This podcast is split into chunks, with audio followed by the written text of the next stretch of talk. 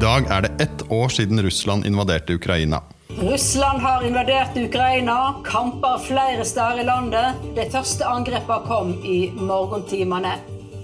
På Kripos har vi siden mars i fjor deltatt i en internasjonal etterforskning av krigsforbrytelser i Ukraina. Tove Aas Beckmann, du er en av flere som har ledet etterforskningen og jobber på seksjon for internasjonale forbrytelser her på Kripos. Um, la oss starte med hvorfor i det hele tatt Norge skal bry seg om forbrytelser som skjer i Ukraina og krigen der borte? Ja, det er nok mange som har stilt seg det spørsmålet. Um, Norge har forpliktelser gjennom ulike internasjonale avtaler, vedtekter og konvensjoner, og deltar i ulike former for internasjonalt samarbeid. Med mål om at eh, Norge skal være en frihavn for personer som har begått uh, forbrytelsene på det som på folkemunne omtales som krigsforbrytelser, så fikk eh, Kripos i 2005 et særskilt ansvar for etterforskning av forbrytelser som gjelder tre ulike kategorier internasjonale forbrytelser. Hva er det som er spesielt eh, med etterforskning av konflikter som har skjedd i et, eh, i et krigsområde og i et land på den andre siden av verden, eller i Ukraina for så vidt? Ja, eh, er, for oss er det flere eh, sider av eh, denne typen etterforskning som er spesiell, og kanskje litt ulik andre typer straffesaker som har skjedd i Norge, og som de fleste av oss har jobbet med tidligere. Men generelt så kan jeg si at disse sakene er krevende, og så er de veldig komplekse. Og det tar tid å etterforske. Vi snakker faktisk mange år. Eh, som regel så har det gått mange år fra den mulige forbrytelsen har funnet sted, eh, og til at vi blir gjort oppmerksom på det. Og det kan være ved at noen som befinner seg i Norge, eh, f.eks. varsler oss og forteller at de har gjenkjent en gjerningsperson der de bor, der de jobber, eller andre steder hvor de har oppholdt seg. Hvordan går det løs liksom, på en sånn på en sånn etterforskning? Altså, vi har som regel en eh, relativt lang innledende fase. Uh, hvor vi må sette oss inn i Når vi får et tips, da, så må vi eh, begynne på begynnelsen. Så vi må sette oss inn i det aktuelle landets historiske og politiske bakteppe. Og i tillegg til den, eller de væpna konfliktene som, uh, som har vært, eller som fremdeles pågår. Og så er det de vanlige spørsmålene som vi stiller i alle andre etterforskninger. Det er hva, hva er det som har skjedd? Eh, og er det faktisk et straffbart eh, forhold? Videre så er det Hvem er det som kan være ansvarlig for dette? Jeg sier 'kan', for det er ikke alltid at det vi får informasjon om, stemmer overens. Og det er en viktig del av den jobben vi skal gjøre. Har vi vitner som er tilgjengelige? Det er viktig i alle straffesaker. Og hvor befinner de vitnene seg? Og når vi vet um, fra f.eks. Ukraina, da, som vi jobber med nå, at personer befinner seg som flyktninger rundt omkring i hele verden, så kan det jo hende at noen av de vitnene vi trenger, de ikke nødvendigvis er i Norge, men befinner seg i ja, Australia eller Frankrike eller Tyskland. Og da er det de vi må prate med, sånn at de kan belyse eh, de spørsmålene som vi har. Og så er det spørsmål om vi har annen informasjon som kan brukes som bevis i en straffesak. Eh, og så hvordan sikrer vi den korrekt. Hva slags type informasjon kan det være, da? Litt avhengig av hva slags type konflikt det er, og når den har skjedd. Eh, det er klart at eh, eh, krigen i Ukraina Der er det utrolig mye digitale bevis som ligger ute. Veldig, veldig mange har tatt videoer, har lagt ut på ulike digitale plattformer. Og det kan være bevis som vi trenger. Det kan være videofilming av personer som blir drept eller lemlestet på annen måte. Det kan være Ja, det kan være så mye. Og det må vi forsøke å samle inn, og så må vi verifisere dette, og så må vi se det opp eh, mot eh, andre, annen informasjon som vi har. Du jobber jo med et felt som er litt eh, annerledes enn typisk etterforskning, sånn som eh, eh mannen i gata eh, kanskje tenker på. Ja, jeg gjør nok det. Um, og jeg opplever jo å være veldig privilegert som får jobbe sammen med veldig dedikerte og høyt kompetente kollegaer. Um, vår interesse for historie, uh, politikk og kultur, i tillegg til etterforskning, og ikke alltid like enkle lovparagrafer som vi må bryne oss på, uh, det dekkes veldig godt i, i denne type saker og er en absolutt nødvendighet for å forstå uh, det komplekse konteksten som vi skal jobbe i. Um, det er, som jeg har sagt, eh, krevende, men samtidig veldig spennende. Og så er det, det er utfordrende. Vi får virkelig, virkelig bryne oss. Um, føles det som dere gjør en forskjell? ja, når vi ser på alle krigene som er i verden, så, så ja, er det noen ganger vanskelig å kanskje tro at vi kan utgjøre en forskjell. Men så må en jo prøve å, å tenke da, at dersom vi kan bidra til at uh, denne type saker blir i, iretteført i Norge eller i andre land, uh, og at domstolene får høre stemmene og historiene til noen av de menneskene som har vært utsatt for eh, de mest alvorlige forbrytelsene verden kanskje kjenner til, så, så, ønsker vi å bidra til det. Vi kan ikke hjelpe alle, men de vi kan hjelpe, hjelper det kanskje for. Mm. Kan du ta oss litt tilbake til eh, 24.2.2008? 22, altså i fjor, da nyhetsmeldingene begynte å komme om eh, den russiske invasjonen. Hva gjorde det med dere som jobber på, på den seksjonen du jobber på?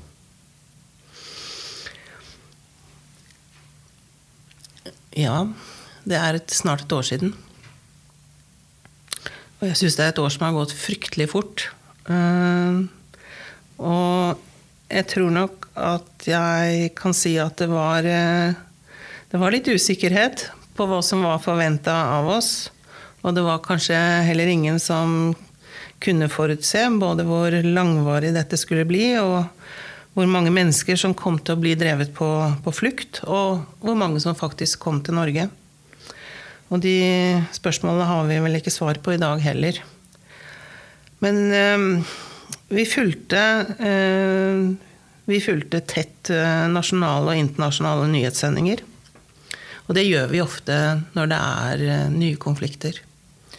Og etter hvert som ukrainere ankom mottakssenteret på Råde, eh, så begynte vi å planlegge for hva vi eventuelt måtte sette oss i stand til å gjøre. Vi forsto at de kunne være potensielle vitner og fornærmede i en etterforskning, eh, enten nasjonalt, altså ved at en gjerningsperson eh, kunne befinne seg her, eller internasjonalt, som støtte inn til andre lands organisasjoners eh, etterforskning. Og jeg husker at Det nasjonale statsadvokatembetet, som er vår overordna påtalemyndighet, eh, NAST, som vi kaller de, de utstedte en etterforskningsordre ganske kort tid etter krigsutbruddet. Det gikk veldig fort. Eh, og det betyr at da hadde vi også de formelle rammene på plass eh, i forhold til å kunne iverksette en etterforskning. Eh, samtidig så utarbeidet vi spørreskjema. Og her bygget vi på de erfaringene som vi hadde fra den væpna konflikten i Syria. Hvor Norge fra 2000, ja, 2012 kanskje Krigen startet vel i, i, på tampen av 2011. Men eh, årene etter så mottok Norge ganske mange flyktninger fra Syria. Og da brukte vi de malene som vi hadde fra den gangen. Eh, etter at, syrisk, etter at vi hadde vært i kontakt med syriske flyktninger som hadde vært utsatt for forferdelige forbrytelser fra det syriske regimet, bl.a. Så litt eh, grunntrening hadde vi. Og så brukte vi den erfaringen inn.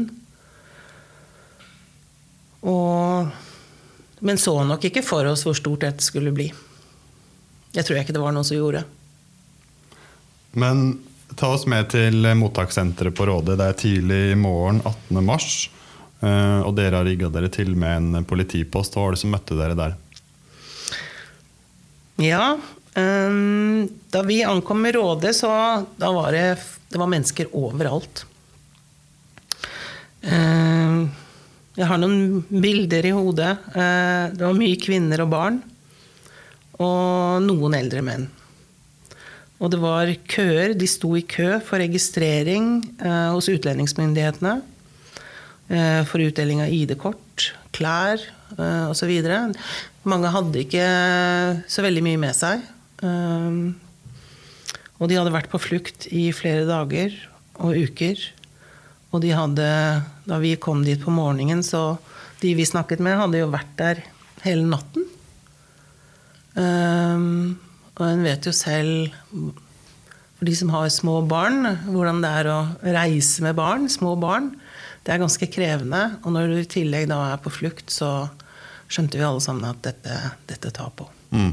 Og dette er personer som, eh, som, eh, som har jobb, som er i utdanning, som er røsket ut av livene sine, og plutselig er de i en hangar eh, i Østfold.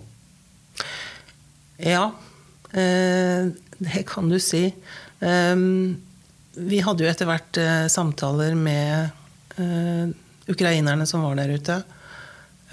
Og de sto jo midt i karriereløpet sitt, småbarnsmødrene. Veldig mange var ja, holdt på på universitetene. Hadde høyere utdanning. Um, og de mange av de hadde nok også ventet en periode, så lenge de kunne, før de forsto at for å redde, redde i hvert fall deler av familien, så måtte de reise. Så de hadde, og de hadde mange bekymringer, selvfølgelig. Eh, det gikk jo på at de hadde venner og familiemedlemmer som var igjen, eh, som eh, forsvarte landet. De hadde gamle foreldre, besteforeldre, som ikke så seg i stand til å reise. Ikke ville reise, ikke ville forlate eiendommene og det livet de hadde. Og kanskje en tro på at det skulle eh, bli en rask avslutning på det hele. Men det ble det jo ikke. Mm. Um, og vi kom, på, kom til Rådet, så fant vi ut at vi måtte etablere oss i registreringsområdet hvor faktisk eh, flyktningene var. Og så kom vi veldig raskt i kontakt med ukrainere, og de var veldig, veldig klare for å svare på spørsmålene våre. På det de hadde vært vitne til eller selv utsatt eh, for eh, når det gjaldt krigsforbrytelser. Vi hadde jo ikke noe mulighet til en sånn døgnbemannet post, men vi fikk i hvert fall testa ut om våre spørsmål var relevante og forståelige.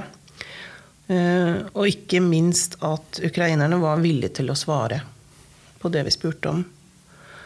Eh, og så var det mange som hadde et eh, stort behov egentlig, for å fortelle om mye av det de hadde opplevd og vært utsatt for. Og det var veldig mange triste historier. Og det ble også en test av oss, dette. På både oss som etterforskere og, og de tolkene vi hadde rekruttert inn. om om vi var mentalt forberedt på å ta imot historiene deres. Det lurer jeg på.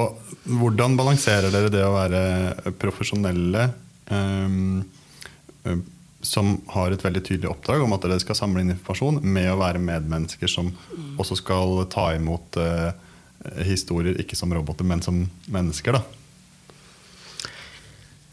Jeg tror vel kanskje noe av uh, måten vi møter de på. Um, at vi er først og fremst høflige og håndhilser på folk. Hvis det er det som er kutymen i landet de kommer ifra. Um, på det generelle. Og så er det at vi snakker et, um, et språk som de forstår. Det vil si ikke nødvendigvis språket i seg selv, men måten å formulere spørsmål på. eh, At ikke det blir for høytravende, rett og slett. Um, og så er det det at vi også forteller at dette er helt frivillig. Her er det ingen som skal presses inn til å gi en forklaring om noe som helst. Og det var vi også veldig klare på eh, å si fra om, at dette hadde ingen betydning i forhold til kollektiv beskyttelse, eh, i forhold til eh, arbeid, i forhold til noe som helst. Det var frivillig. Og så var det klart at ikke alle orket det. De hadde mer enn nok med seg selv. Og da er det greit. Og da er det helt greit. Eh, I løpet av det året som har gått, så har dere jo samla inn store mengder informasjon fra eh, en del av flyktningene som har kommet. Hva, hva er det dere ser for dere at dere skal bruke den informasjonen til? Den informasjonen Vi tenker framover. Dette er det vi kaller en strukturell etterforskning. eh, Som kanskje ikke sier så veldig mye. Men dette er et forarbeid til en mulig etterforskning som kan skje fram i tid, den dagen det står en eller flere gjerningspersoner her som kan mistenkes for å ha begått disse forbrytelsene. Eller at det befinner seg eh, gjerningspersoner i noen av de landene som vi samarbeider med. Eh, Jeg var inne og så litt på statistikken, og for altså per januar, nesten et år etter krigsutbruddet, eh, så har ca. 2700 ukrainere svart på våre innledende informasjonsbehov. Som går på krigsforbrytelser. Altså det at de har vært vitne til eller fornærmet i forhold til eh, brudd på krigens folkerett. Og de svarene har vi systematisert eh, for å kunne gjenbruke. Og da er det med hensyn til hva slags type straffbart forhold er dette. Er det et drap? Er det bombing av eneboligen eller blokken hvor de bodde? Eh, Hvor skjedde det? Eh, Og når har dette funnet sted? Og hvem er det som kan mistenkes for dette? Og dersom den eh, som svarer på spørsmålene våre, har foto eller video eller annen type dokumentasjon som kan underbygge denne forbrytelsen, dokumentere forbrytelsen, så eh, ønsker vi også å ta imot det. Eh, Kan, du trenger ikke å ta tallene, men hva slags type eh, kriminalitet er det de oppgir å være utsatt for? Det er eh, mange som har eh, sagt drapsforsøk. Og vi har jo ikke gått inn i dybden på dette. Men ut fra det jeg også husker, da vi sto ute på Rådet, så var det flere som hadde en opplevelse av at det var et drapsforsøk eh, da huset deres ble bombet. Og jeg kan jo for så vidt forstå at det kan oppleves sånn. Så er det plyndring. Vi har også noen seksuelle overgrep. Ehm, Jeg tror nesten at uh, de fleste punktene uh, i paragraf 103 uh, er dekket. Eh, Det er frihetsberøvelser. Folk er blitt holdt innesperret. De har vært i filtrasjonsleirer. Hva vil det si?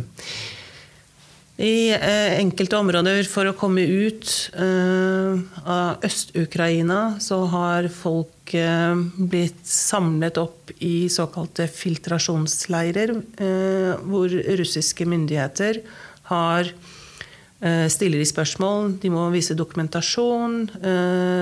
Noen har blitt avhørt, noen har blitt holdt i disse filtrasjonsleirene ganske lenge. Andre har kommet raskere gjennom. De har fått undersøkt mobiltelefonene sine. Eh, De har fått tømt mobiltelefonene sine for bilder og videoer, som vi gjerne skulle hatt. Eh, Og dette er jo for å kunne komme seg ut av Ukraina, altså i de områdene hvor eh, det har vært mye angrep, inn via Russland, og så klarte å komme seg da videre inn i Europa. Um, så det Det er noe av det. Um, og så er det jo flere som har uh, alvorlige skader. Uh, både fysisk og psykisk. Ukraina er jo et uh, enormt stort land i utstrekning. Mm. Og um, i en sånn krig så vil det jo være enormt mange hendelser og åsteder for en type etterforskning som dere skal gå inn i. Kan ikke du ta et, et, eksempel på en sånn hendelse som dere har gått inn i og sett nærmere på? Det uh, skal jeg nok uh, kunne gjøre. Kanskje si litt om at den informasjonen som vi samler inn, da, den prøver vi å, å sette sammen. Uh, kanskje opp mot et konkret kjent, kjent hendelse. Og det er litt for å teste at vi faktisk enten selv kan bygge en sak, eller eh, levere sammensatt informasjon til andre som har konkret etterforskning. Og når du skal ha et konkret sted Mariupol, eh, det fødselssykehuset i Mariupol, eh, det ble bombet 9.3, eh, hvis ikke jeg tar feil. Eh, det er også snart et år siden. Og jeg tror det er en hendelse som veldig mange husker. Eh, for der var det jo mange journalister eh, som også Det var mange som filma dette. Um, og det vi har gjort der, um, det er at vi har forsøkt å sette sammen all den informasjonen som vi har fra Mariupol. Altså um, ved å ved å trekke ut uh, opplysninger om personer som kommer fra denne oblasten, eller dette fylket. Eh, og hvem kan fortelle om hvilke, hvilke av disse flyktningene kan fortelle om den bombingen som skjedde av det sykehuset. Og så har vi da eh, satt sammen de forklaringene. Og dersom de også har foto og video eh, fra dette sykehuset, eller kanskje annen dokumentasjon, at de var innlagt og og født et barn, eh, altså en type fødselsattest. Um, og så ser vi den informasjonen opp mot andre ulike kilder fra internett. Altså det ligger veldig mye ute, som jeg sa. Eh, både på YouTube og andre steder. Som er eh, videoer som er lagt ut. Så sitter det også en del andre organisasjoner og setter sammen informasjon.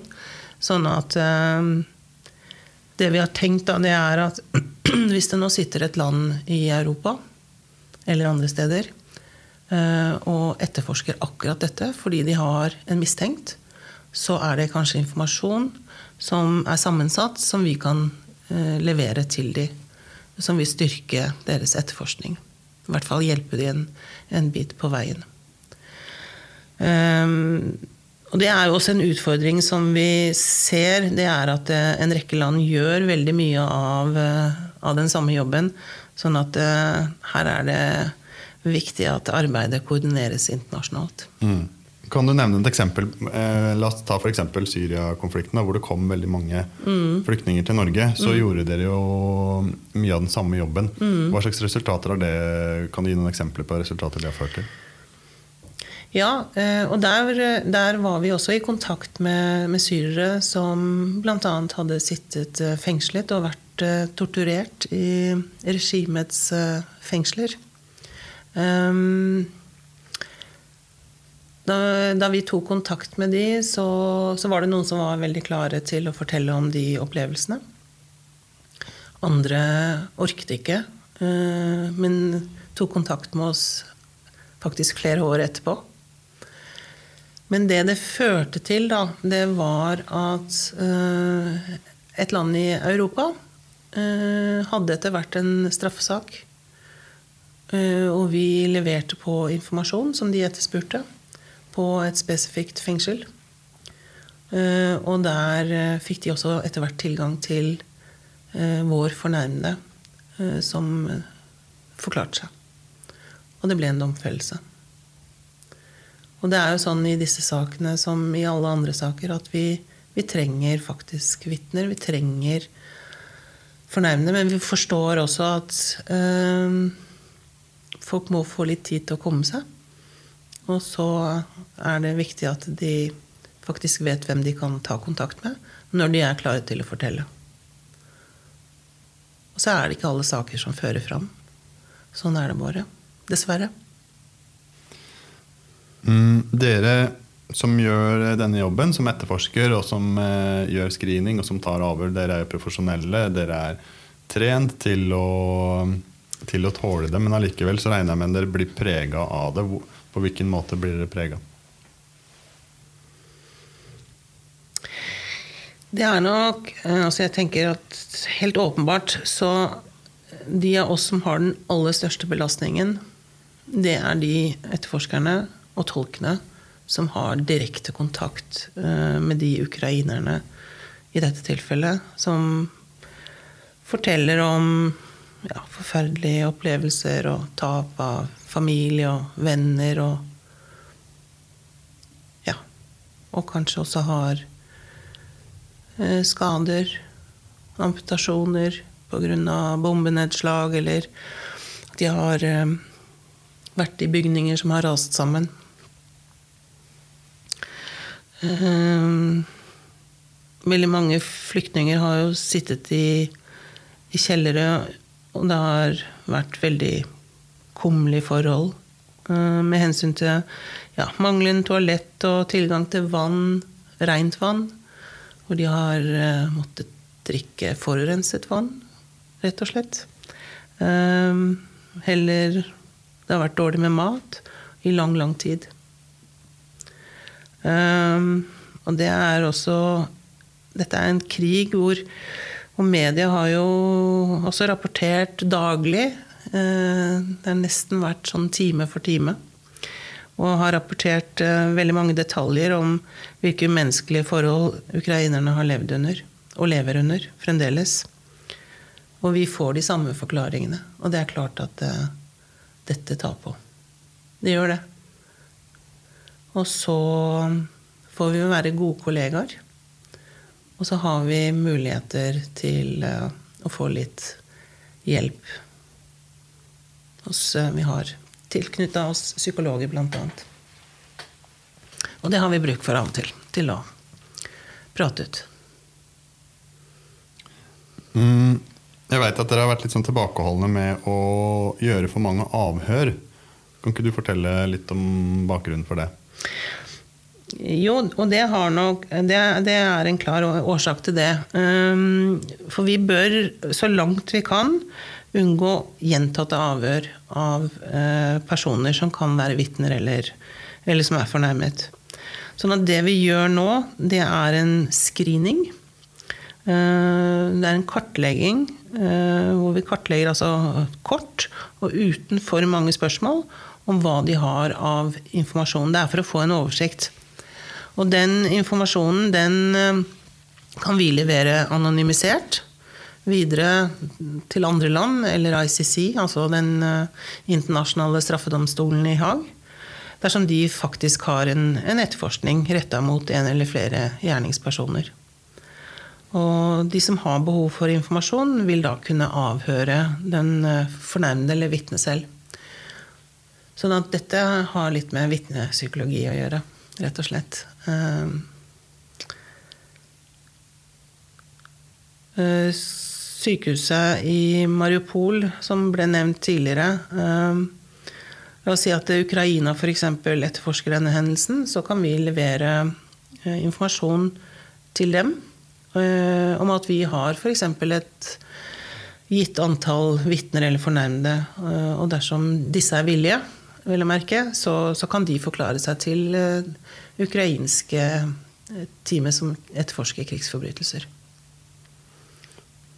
Mm, nå har vi vært inne på en ganske sånn konkret om hvordan dere jobber, men la oss ta et steg tilbake og bare se litt på bakgrunnen for at vi i det hele tatt holder på med etterforskning av krigsforbrytelser. For det er en del regler for krigføring, og hvis partene bryter dette, så kan det være straffbart.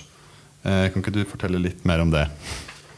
Mm, jo, det tror jeg nesten vi trenger en egen podkast til. Uh, men hvis jeg skal si noe helt kort, uh, så må det kanskje bli Altså, noen ting er lovlige mål i krig og væpna konflikt. Det kan være f.eks. militære baser, militære kjøretøy eller stridende soldater. Når det gjelder sårede soldater og fanger, de er ikke noe lovlig mål. De skal ikke angripes. Og så er det også et veldig strengt regelverk for behandling av krigsfanger. Og kort så kan jeg si at de skal behandles like godt som egne soldater. Og så får man jo se da hva man legger i det med god behandling av egne soldater. Det har vel kanskje vært litt uh, ulikt som har vært rapportert der også. Men det betyr f.eks. da at uh, dersom uh, man tar krigsfanger, så kan ikke disse skytes fordi at de ikke har kapasitet til å ivareta dem på en god måte. Da må de løslates. Og Hvordan forholder disse reglene seg til sivile personer? Ja, Når det gjelder sivile personer, og da kan jeg også nevne sivile objekter, altså dette med sykehus og religiøse bygg og skoler og barnehager eh, Alt dette er ulovlige mål, og det skal beskyttes. Det er nesten punktum. Eh, det betyr altså at de som er stridende, heller ikke skal ta tilhold eller benytte sivile objekter. Det betyr at ikke du kan sette opp en militær base på et sykehus. Eller i en kirke. Eller f.eks. plassere en skarpskytter i kirketårnet. Da skader du den beskyttelsen som disse objektene bl.a. har. Du kan heller ikke bruke sivile som et uh, som et um, Hva skal jeg si for noe? En beskyttelse for å ta deg inn i et hus eller forsere en gate. Sivile skal beskyttes. Og så er det heller ikke anledning til å plyndre. Altså gå inn og stjele, selv om et hus eller en butikk er forlatt. Du kan ikke, du kan ikke gå inn og plyndre. Du har heller ikke lov til å voldta. Eller torturere. Eller deportere til et annet territorium. Altså flytte mennesker fra ett land til et annet, f.eks. Eller flytte mennesker f.eks. fra Ukraina og inn i okkuperte områder. Eller f.eks. ulovlige adopsjoner, som det også er rapportert om. FN har kommet ut med tall på at de regner med at 6000 barn er ulovlig adoptert fra Ukraina til Russland. Det er ulovlig. Men vi har vært litt inne på det, men mye av den metodikken som dere bruker eh, nå, den eh, ble til under arbeidet med Syria-konflikten. En konflikt som for øvrig fortsatt pågår, og som kanskje er litt glemt. Vil du si det? Jeg er nok redd for at du har litt rett i det òg. Ehm, vi er en veldig liten seksjon, og det er begrensa hvor mange saker vi kan eh, makte å etterforske parallelt. Selv om vi gjerne skulle gjort mye, mye mer. Ehm, det er på mange måter eh, våre folkevalgte som gir oss rammene. Altså les ressurser som materialiseres i form av antall etterforskere og økonomi. Eh, og som gjør oss i stand til å etterforske flere krigsforbrytelser.